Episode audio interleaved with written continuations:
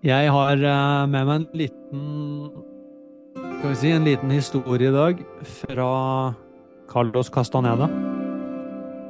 Og de gamle Skal vi si sjamanene fra Mexico. Og deres uh, vei og syn på livet og mennesket. Mm.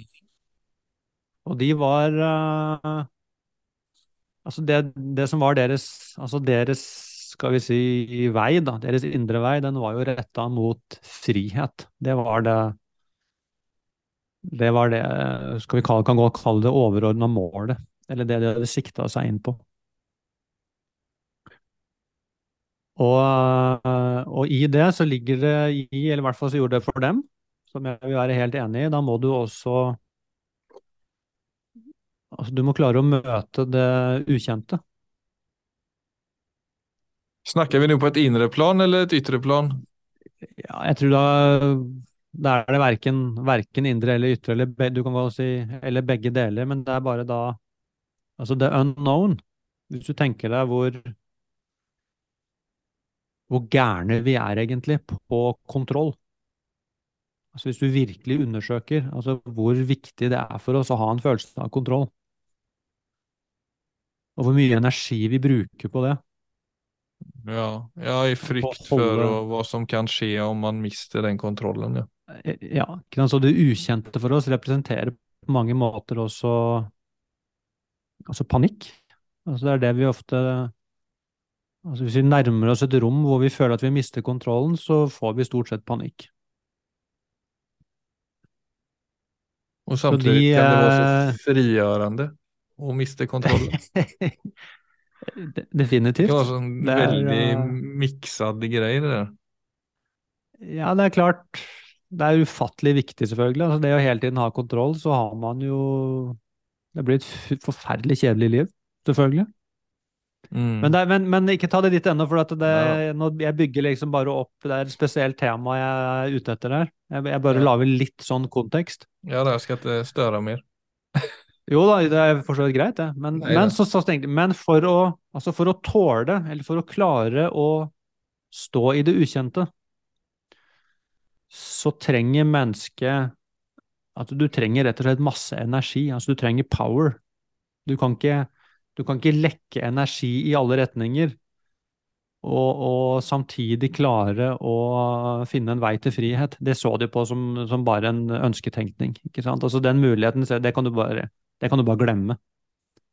Skal du, få til, skal du få til dette, så må du klare å holde deg samla. Ja, men hva mener de eksakt? Hva var det som for dem var å tappe seg for energi, da? Ja, det er akkurat der dit vi kommer nå. Og da så de, for dette er forferdelig praktisk på en måte. Det var sånn, ok, hva er det som tar Hvor er det vi lekker energi? Og så, og så fant jeg ut, og det må jeg si er en fantastisk innsikt, altså, som jeg er helt enig i, jeg tror jeg er helt tidløs innsikt. Det er self-importance. Altså, det er vår egen self-importance, altså vår selvhøytidelighet. Det er der vi mister mesteparten av energien vår. Vi tar oss selv altfor seriøst. Altså altfor høytidelig. Mm. Så det skal ingenting til. Det er nok at noen bare ser på meg litt nedlatende, så sover jeg dårlig en uke. Mm. Så, det er, eh, så de på en måte så Og så er det da selvfølgelig å ta Så på mange måter så var den, altså den første delen av deres vei var å skalke lukene til hvor jeg egentlig Altså i deres språk da mister energi, ikke sant? Hvor jeg bare Altså jeg mister jo også meg selv. Jeg mister Jeg lekker oppmerksomhet, jeg lekker eh, krefter, altså Men det er jo også en sånn kontroll, det strammer jo også greppet om en selv. Det blir jo at du holder hardt om din forestilling om hvem du er og hvordan du skal framstå. Så det blir återigen også et, et lager av det å ta seg selv på alvor og kontrollere alt. Trots at det kommer av osäkerhet, Ja. men det blir fortfarande en sånn selvforsterkende känsla av at du i relasjon til verden på en måte er sårbar. Ja, veldig, ikke sant? Hvis du, hvis vi tar det, så det de legger ut der, da, det er jo en, på en måte nesten en motsatt modell av noe som er blitt, som det er blitt veldig mye av i det moderne samfunnet. Altså en sånn, dette ordet krenkelse, altså det å være, det å bli krenket. Altså det er uh, Og den uh, altså politiske korrektheten som ligger i det. ikke sant? Altså nå skal man jo til og med gå gjennom alle bøkene til gamle forfattere og språkrenske dem, fordi det kan være krenkende ord i boka. Da vil jeg si, da har man Mm, gått. Da er man i helt andre enden av skalaen enn visdomstradisjonene. Man har snudd det helt på hodet. Mm. Og så vil se, så hvor er Altså, hvor ligger egentlig krenkelsen? Altså, kan du krenke en kriger? Altså en virkelig kriger, eller en stoiker, som vi kanskje kan si? Skal vi nei, det går faktisk ikke. Du kan godt fortelle meg mange ting, men om jeg tar det inn eller ikke, det er faktisk et valg jeg har. Mm. Mens hvis jeg hele tiden må kontrollere hele verden, og passe på at ingen uh, Altså ingen kaller meg feil ting, da blir livet vanskelig, da.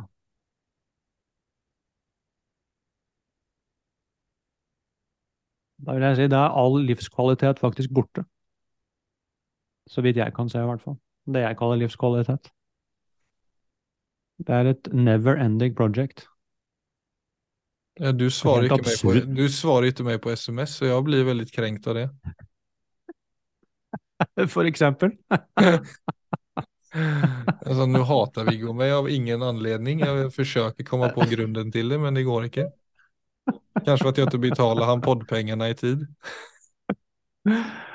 Ja, sånn holder vi på. Ja, vi lager historier Vi historier masse... om det å bli, når vi blir, kjenner oss krenkte. Ja. Men, vi lager eh, masse historier. men det er en möjlighet Å Men också så- göra någonting med det, for det kjenner jeg jo på de gangene. Du er jo då den enda som ikke svarer på sms. Eh, Det er derfor det stikker ut, ikke sant? Det er ikke en del av Mm. den moderne kulturen helt.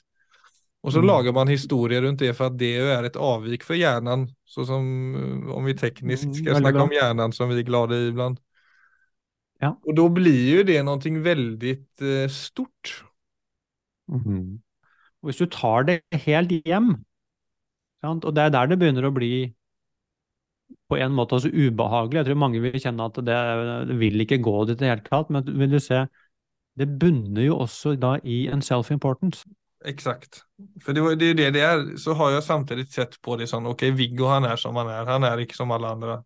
Det, det har varit en sån grej.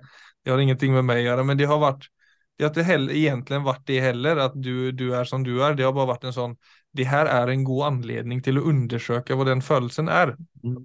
Strå kjempefint. Jepp. Strålende. Och det, och det var så som jag snackade med en, eh, en bedrift nyligen, så jag nämnde för dig också, det att du har, det är en sån always on-kultur, upp, landskapskontor, man eh, sitter på en sån app som heter Slack, som jag nämnde för dig, som är en sån, eh, också en slags always on-app, där man hela tiden kan snacka om jobb. Och det går väldigt fort, det ena projektet avlöser det andra, man hinner liksom aldrig helt fira att man har kommit i mål med ett projekt. Så att den, jag, jag tror det att man, det genererar ju stress som genererar den där känslan att du hela tiden är ett steg före eller ett steg framför dig själv. Mm. Mm. Så det att du är så inställd på att komma ett sted då, eller vara i mål ett sted och, och, och, och vara kanske så, om man ska uttrycka det, dåliga då på att vara i processen eller sätta pris på processen. Mm. Det blir ju också en, en, en, det, det blir ju ett slags grundlag i det och bli blir lättkränkt tänker jag. Alltså det att leva på den måten av att konstant vara tillgänglig för världen, konstant leva lite som ett steg framför sig själv. så blir ju det, det blir ju en slags rotlöshet. Det är väl därför det är så mycket stress också, för att man, man vilar så lite i det man gör. Ja. Alltså Jeg det går på selvkjensla, da. du er inne på noe självkänslan der. då. Så det, det som mangler, det er en Altså egentlig det er en fasthet som blir borte. Og den fastheten skal jo helst være meg. Jeg er den fastheten. Altså jeg er den Skal vi si det spettet som bare står fast, og så kan uh, alt dette kan på en måte sirkulere rundt et fast selvbilde. Ja men det är där, det, det, Men, men det er veldig vanskelig å få ja. til Idag. Ja, det blir veldig vanskelig å få til i det du beskriver der. Fordi alt flyter hele tiden, og så flyter jeg med det.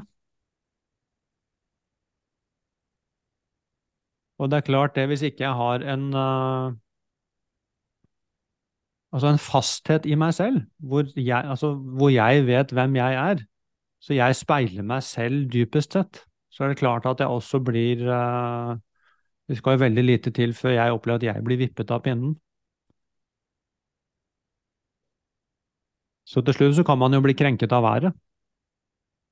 Mm. faktisk. Ikke sant? Eller uh... Men det å, det å snu det rundt og begynne, sånn som du sa, altså når den følelsen dukker opp, og heller da begynne å gå inn og se hva, hva er dette egentlig? Hva er det som skjer nå? Sånn at jeg kan se hva er det som, hva er det som tilhører den andre, hva er det som tilhører meg?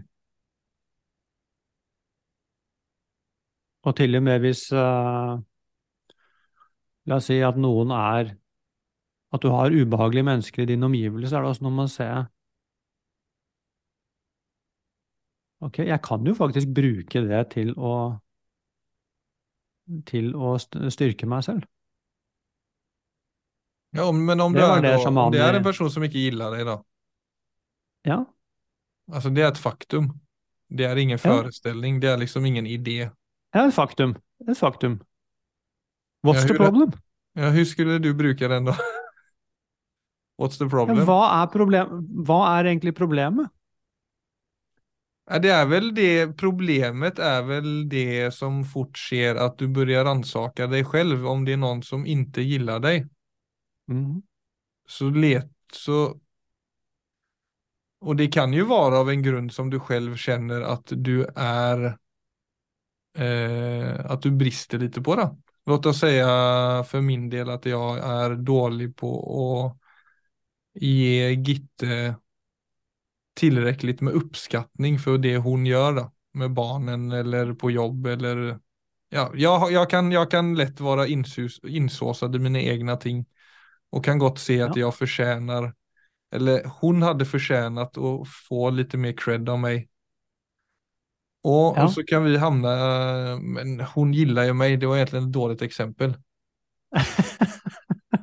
Ja, la oss gå tilbake til opprinnelige eksempelet. ikke sant? Altså nå, nå Ja, er jeg i en eller annen sammenheng, og, og vi velger jo ikke Altså, vi velger vennene våre, men bortsett fra det, så er det jo, det er jo stor, stor sannsynlighet for at du har folk i din egen familie hvor det er vanskelige relasjoner. Og selvfølgelig blant kollegaer. Kollegaer er det verste som fins. Mm. Ja. Fort gjort. Og så er det noen som ikke liker meg. It's a fact. Ja, Så vad är gör du nå- Och så är det en sida som du själv kanske inte då tycker att du är så god på. Nei, men vent litt nå. nå er det ikke noen sider ennå. Nå er det bare det. Det er en person her som som ikke liker meg. Jo, men för det är det vanskligare menar jag. Jo, men ikke? Altså, hvis, jeg, hvis jeg nå ser hva er det egentlig som skjer, så vil jeg si et første veldig altså naturlig spørsmål, hvis jeg skal prøve å finne ut av dette, det er å se hvorfor er det så viktig for meg at alle må like meg?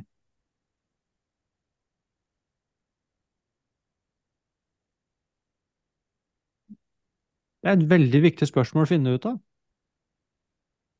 Er det det som er kriteriet for et godt liv? Alle må like meg? I så fall så har du eh, Ja, det blir vanskelig. For øvrig så leste jeg en gang et sted at uansett hva du gjør, uansett hva du gjør og hvor hardt du prøver, så er det ca. en tredjedel av folk vil mislike deg. Mm. Det er jo veldig befriende. Du kan du bare gi faen. Det er bedre å være seg sjøl. Og så kan det fortsatt være en tredjedel som ikke liker deg, men altså, de liker jo Du Noen liker liker pizza alle med ansjos. Ja, du gillar ikke alle heller.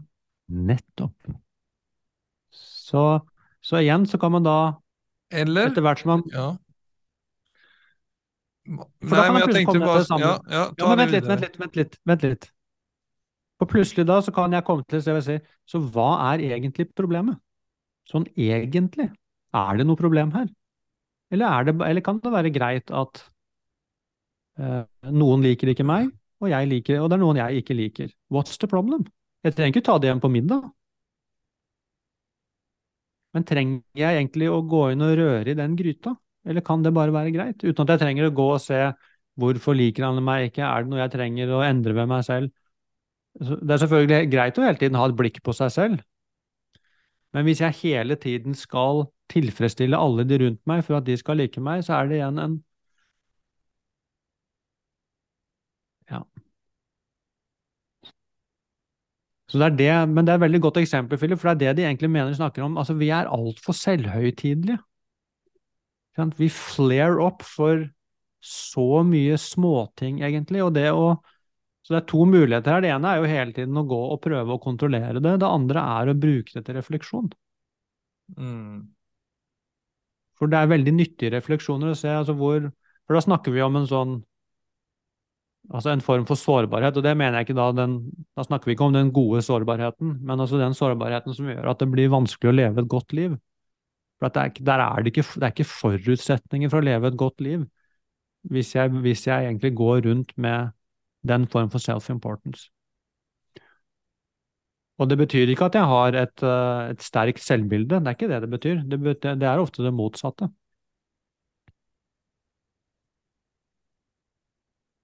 Alltså du har et sterkt selvbilde, men som er väldigt eh, sårbart i det at de, går det sønder, så har du inget å falle tilbake på.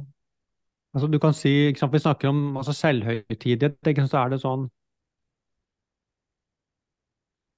Det å ta seg selv selvhøytidelig, det betyr ikke at man er arrogant eller sånne ting. Altså, man, kan, man kan oppleve seg utrolig svak. Men det er noe med å begynne å se at det også går i at Det er en idéverden rundt de tingene. Som Ja, det er vel for tar av bekreftelsen kommer utifrån. Altså at vi er for dårlige på å bekrefte oss själva i det å leve på et sett som faktisk representerer oss. Ja, sånn som du snakket om uh, før vi satte på mikrofonen, altså dette med Som du hadde tatt fra han, han Stutz, han amerikanske psykologen, Mm. liksom med altså tre aspekter ved virkeligheten. Mm. Hva er det, hva er det de opprinnelige tre er? Det er Det er usikkerhet, det er smerte. smerte og eh, konstant arbeid. Ja, ikke sant. Det peker jo også i en helt annen retning. Det er noe med da å se usikkerhet, smerte, konstant arbeid. Så, sånn er livet. Så bare ved å, å bli venn med det, ikke sant, og tenke nei, jeg skal komme ut av dette. Jeg skal prøve å finne den måten å leve på hvor ikke, hvor ikke det gjør vondt lenger. Så så lenge du hele tiden bruker alt på at jeg må finne en måte å leve på som ikke gjør vondt, så lever du i konstant smerte. Mens det å ta inn over seg at smerte er en del av livet, det blir aldri borte. Men what's the problem? Er det noe problem her? Egentlig? Ja, men jeg tror det är en, jeg tror kanskje det er den viktigste insikten. Altså de, ja man bare også skal kalla det negativa følelser. Det kommer jo de kommer, de kommer helt gratis. Alltså det er jo som en, Jeg tenker på det vi har nevnt noen ganger, at mindfulness-holdninger, eller du snakker om växt og refleksjon, og det som är egentligen aktive handlinger, alltså anvende negativa hendelser til Mm. att förstärka någonting eller till att växa. Och så som man snackar om i mindfulness så använda accept, nykärlighet, tålmodighet och så vidare som några slags Mm. grundvärdier som Mm. många ibland kan tänka på som, alltså när du hör det så kan det låta passivt. Mm. Och så, och, och så Ja. är det komiska att det är totala motsatsen. För jag tänker det, det vi har snackat om idag som på et nivå genererar negativa känslor, det er jo en sånn slags åpen buffé. Altså om det er noe som är Mm. passivt så er det jo å grotta seg i krenkelse, stress, Absolutt. oro, bekymring. Altså det er jo bare å ta for seg. det- er jo Det är ju det lättaste du kan gjøre. Men det å hoppe over fra den gratissiden til vekstsiden, gratissidan till växtsidan då. Som er å faktisk aktivera noen grunnleggende verdier som du står for når du opplever negativa ting. Det er der potensialet og på en måte forandringen ligger. Så om du har lyst til å være Absolutt. passiv da, go for it.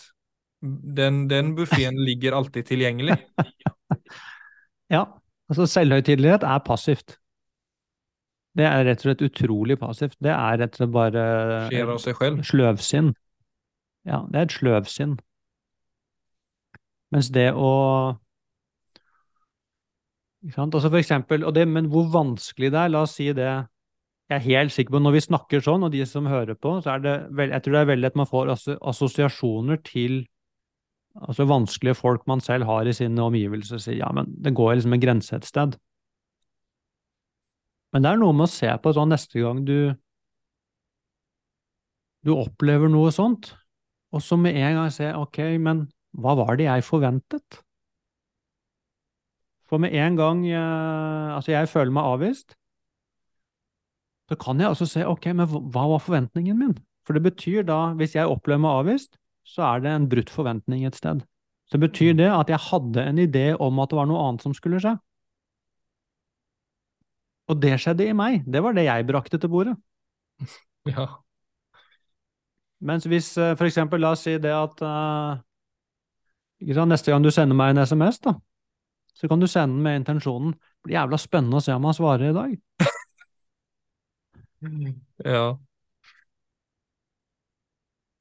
Da skal jeg i hvert fall ikke altså, bli en glad. forventning om at folk skal møte en forventning om at folk skal møte meg på en spesiell måte. Ikke sant? Altså til og med med altså nær familie. da. Altså Det klassiske er jo å bruke foreldrene sine. Mm. Og det er noen ganger når jeg har snakket med folk rundt disse tingene, så bare sagt til dem, og det har vært sånn, for det er- handler jo litt om timing om, det har vært et sånt øyeblikk, eh, hvor jeg har sagt, så neste gang du møter eh, moren din, for du kjenner henne jo, du kjenner jo moren din. Hvis du forventer at hun er akkurat som hun er, hva skjer da? Og noen, når de skjønner greia, så er det sånn, at jøss, det var helt rart, for det ble, det ble helt annerledes. Det er veldig sant. Du kommer ofte inn med en sånn Er, er det mulig? Går det an? Går det an å bli så selvopptatt? mm. Går det an? Så jeg ikke bare går det an, men jeg vet jo egentlig at det er nødt til å være sånn òg. For at hvis jeg forventer at de folka er akkurat sånn som de er, så kommer jo igjen egentlig valget tilbake til meg, og det sier hvordan skal jeg forholde meg til det egentlig? For jeg har jo gått hele tiden og håpet at det skulle bli annerledes, men hvis det faktisk er som det er, Mm. hva gjør jeg da? Og så er jo da enten valget å si nei, enten så bruker jeg tiden min på noe annet, eller så tenker jeg nei, det går jo ikke an, altså man må jo ha Men da blir det et valg. Ja, da Ja, da blir det tydelig for deg om du faktisk klarer av å flyte med det eller ikke.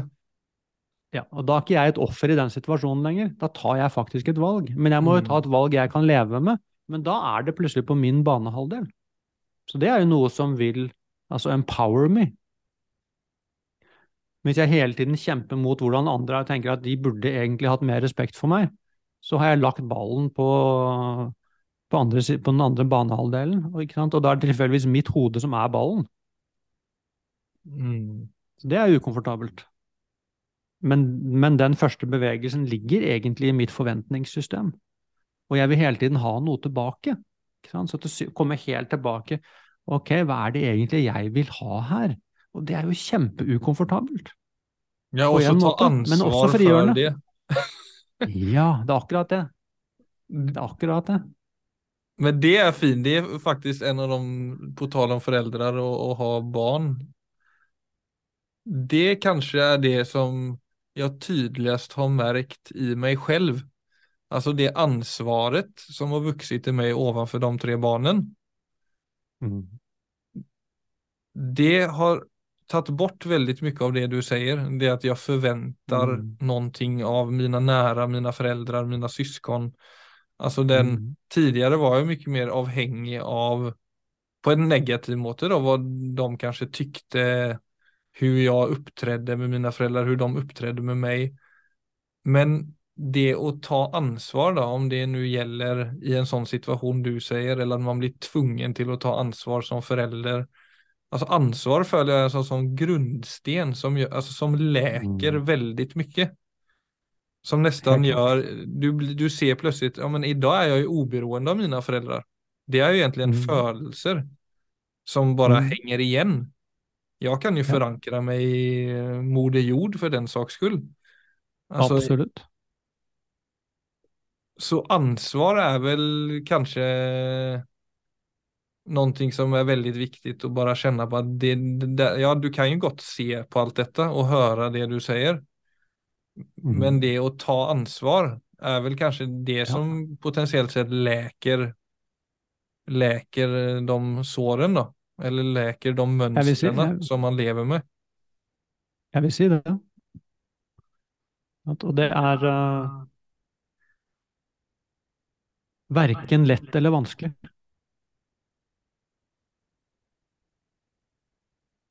For det er det som ofte kommer. Det er Ja, men det er ikke så lett. Men til syvende og sist er det bare årsak og virkning. Så hvis jeg ikke tar ansvar, så blir livet sånn. Hvis jeg tar ansvar, så blir det sånn. Og det er det. Ikke sant? Så det å Ja, det å sitte og Det å sitte, over, sitte og gråte over livets vanskelighet, altså det er jo veldig forståelig. Det er jo ikke det. Det kan jo høres litt sånn hardt ut eh, veldig ofte, men altså det er den det, det alternativet som vi ofte leter etter, det fins ikke. Altså det, det, det alternativet som er hvor ting ordner seg uten at det koster noe, eller uten at det er vanskelig. Mm. Det som er smertefritt, det fins faktisk ikke. Og det er noe med å kanskje innse det så fort som mulig. For i min erfaring da, når vi skjønner at det er, det er ingen musehull her hvor jeg kan flykte, så kommer ofte kraften. Da reiser det seg noe ofte sånn fra innsiden som begynner å bevege seg.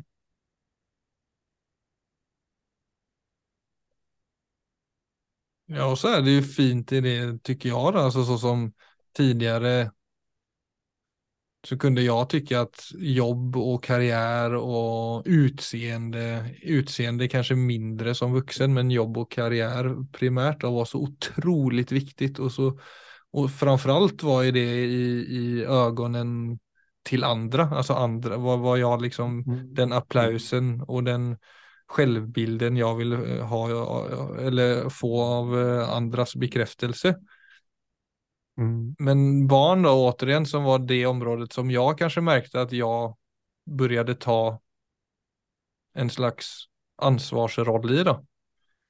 Hur mycket, hur, hur lite viktig det plötsligt var att ha en sån perfekt karriär.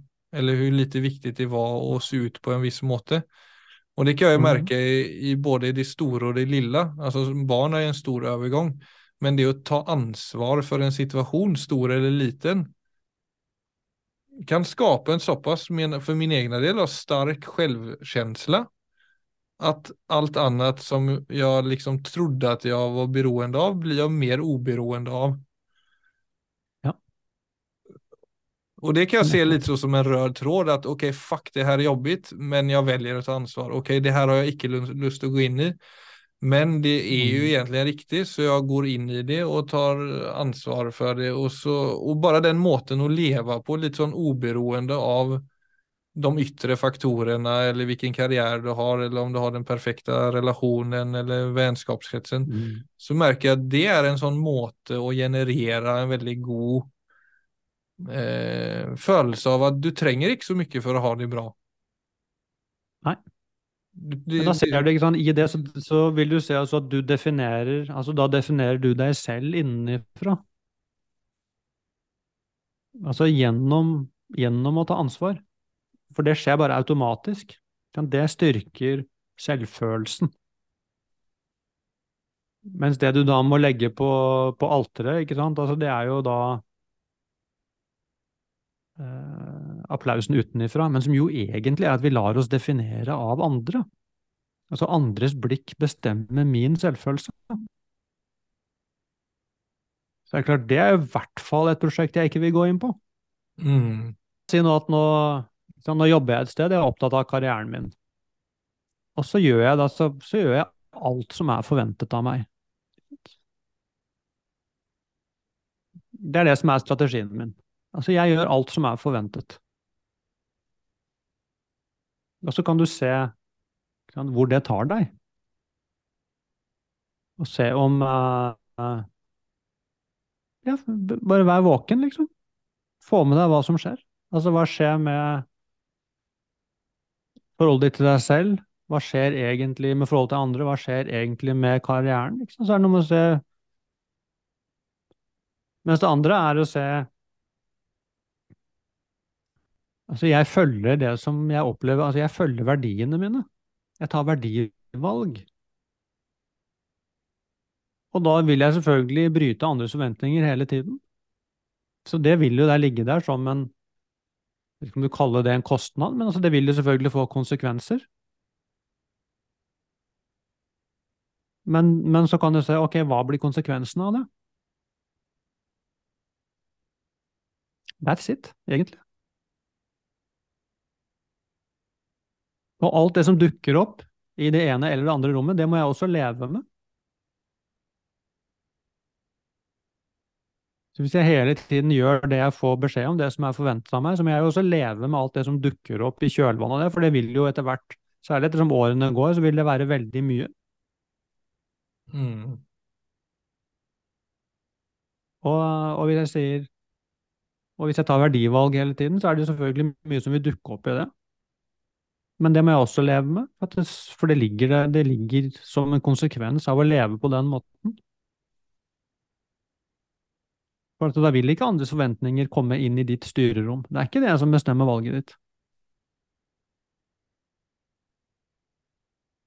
That's it. Men det å tenke at du helst skulle hatt begge deler Jeg vil helst gjøre liksom egentlig som jeg dypest sett ønsker, og så vil jeg, vil jeg ikke at det skal få noen negative konsekvenser for meg. Den muligheten finnes ikke.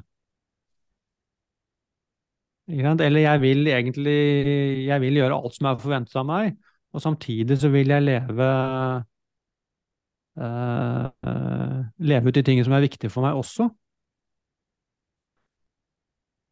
finne selvverdien min. Altså, det går heller ikke. Du får ikke de tingene inn i samme rommet. Men på en måte så er det egentlig bare å få øynene opp for konsekvens og si hvis jeg gjør sånn, så får det noen konsekvenser. Vil jeg ha hele den pakka? For du får ikke halve pakka, du får hele pakka. Eller hvis jeg gjør sånn, så får det andre konsekvenser. Og der noen blir åpen for jeg må ta hele pakka. Kan du ikke bare ta halve? Og hvis du faktisk åpner opp øynene dine for å se den fulle konsekvensen av det du gjør, så blir man klokere fort. Det er noe med villigheten til å se her som er utrolig viktig. Ja, Viggo? Husk på, Philip, siste for dagen, altså ansvar. Du vet det engelske ordet responsibility. Hvis du bryter opp det ordet, så ser du at det er your ability to respond. Så det å ta ansvar, det er å kunne respondere på livet. Mm. For livet endrer seg hele tiden. Så det ja, men det er vel det jeg si, Det er vel det jeg forsøkte sette fingeret på også. På ja, jeg syns det, det, var akkurat det du gjorde. Det var derfor jeg kom på den. Eh, det er en veldig fin en fin inngang til å kanskje forstå altså, hvor fantastisk ansvar egentlig er. Altså på den måten. Ja, for det er litt sånn som den unge kulturen som er i dag, og som jeg også er en stor del av. Det å synes og prestere som man har vokst opp med, som skal være så viktig, da, i gåstegn. Mm. Mm. Så blir det en veldig trang boks. Alltså jag kan se på mig selv, själv, jag kan se på vänner runt mig att man har en föreställning om att det är detta livet jag ska leva och allt annat är fel eller farligt eller tar meg bort fra den viktige veien som er å prestere på et eller annet område. Mm. Og det du sier, livet endrer seg, og så er du redd for å få barn for du må få det på et perfekt tilfelle. Kan ikke få det når du er 26 eller 29 eller du må ha alt på plass, ikke sant? Full kontroll og stor frykt for at noe i ditt så perfekte perfekta liv skal rase. Då. Mm. Och det är den erfaringen jag fick med barn. Alltså jag, sitter, jag, jag, jag har många ting men det du, det du nämner själv, ability to respond, Mm. kasta ut i det. Eller också så sker ju bara livet av sig själv ibland och du blir tvungen till att bryta ut ur den bubblan eller den sfären som du har skapat. Och så om du faktiskt tar ansvar för den situationen då. Där märker du att det ligger någonting annat i det än att bara synas och prestera.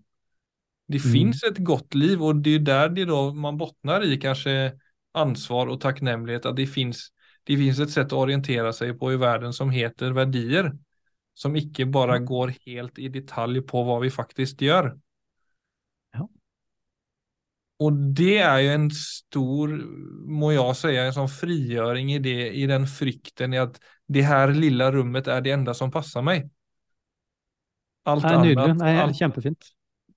Ja, altså, det, det kunde jeg ønsket at att mange unge unga kunde vila lite i, for det vet jeg er en sånn väl, altså det er en sånn reell stress at man er livredd for å time ting fel. Det er jo återigen Ja. time ting fel. Altså det er jo, det, är, det, det sier jo egentlig alt om det vi har snakket om idag också. Ikke sant? Og det er da å ja, å snu det på en måte helt på hodet, da. Og si at det er uh, Altså, livet skjer faktisk. Du kan egentlig ikke time en dritt. Du kan selvfølgelig prøve, men du vil se det at det, livet hadde en helt annen plan for den timingen enn, du, enn det du hadde. Og, og så det igjen, så på en måte, så jo mer jeg prøver å time livet, jo mer vil jeg oppleve at livet knuser meg, faktisk. Og så opplever jeg at det er livet som knuser meg, men jeg skjønner ikke det at det lå i min egen forventning. I det øyeblikket du slipper den, Den eh, forventningen, sånn... og begynner, å, ja, og begynner å lytte til livet, så vil du ikke ha noe å oppleve å bli knust i det hele tatt. Altså, du vil, da vil du oppleve flyt. Men du må komme naken til bords. Det er problemet. Så kommer du full påkledd, så Så vil livet strippe deg.